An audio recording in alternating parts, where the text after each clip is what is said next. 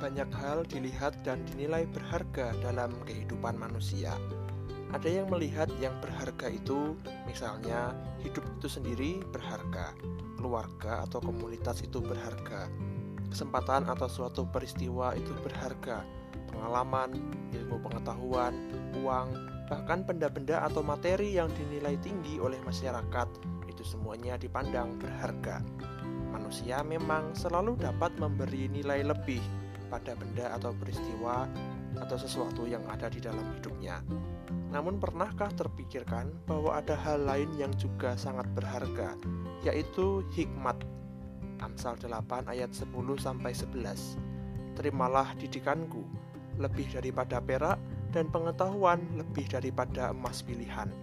Karena hikmat lebih berharga daripada permata, apa pun yang diinginkan orang tidak dapat menyamainya. Dari isi perikop yang kita baca, hikmat itu sendirilah yang berseru-seru.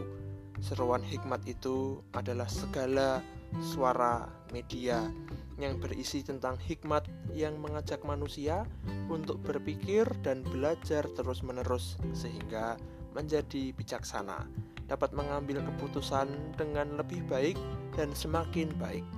Hidup berhikmat berarti juga hidup dengan bertanggung jawab. Sebegitu besarnya pengaruh hikmat dalam hidup manusia, sehingga hikmat itu pun dapat dinilai bahwa memang hikmat itu sangat berharga. Sebegitu berharganya hikmat, sehingga dalam kitab Amsal mendorong setiap orang untuk menerimanya.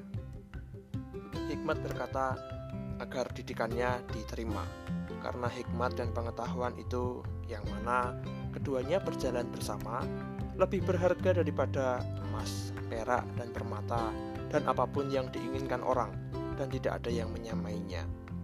Ketika orang-orang menyadari betapa berharganya hikmat, betapa pentingnya hikmat, maka akan ada penghargaan setinggi-tingginya kepada hikmat, sehingga orang-orang akan tergerak untuk mencari hikmat, mendengarkan hikmat, untuk belajar tentang hikmat.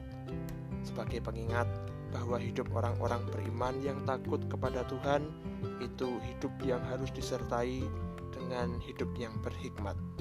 Sikap iman kita yang takut akan Tuhan itu menjadi sumber hikmat. Marilah kita melihat hikmat ini berharga, sehingga kita terpanggil sungguh untuk terbuka, belajar tentang hikmat, belajar berhikmat. Kiranya Tuhan memampukan.